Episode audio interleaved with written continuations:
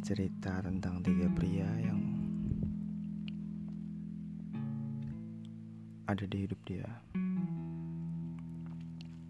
Yang pertama, yang pernah melukai. Yang kedua, yang mengejarnya.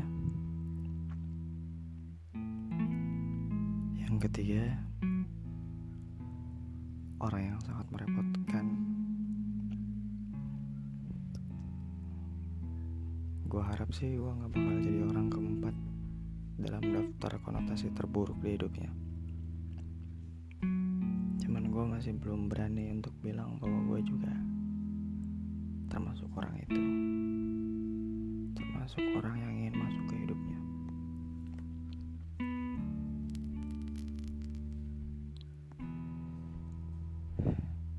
Yang gue bisa lakuin saat ini. Terus dekat sama dia. Terus berusaha ada di saat dia butuh. Nemenin perjalanan hidup dia. Sampai gue yakin kalau dia emang sayang sama gue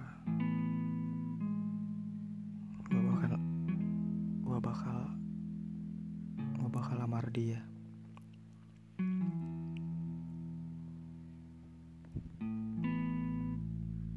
Semoga.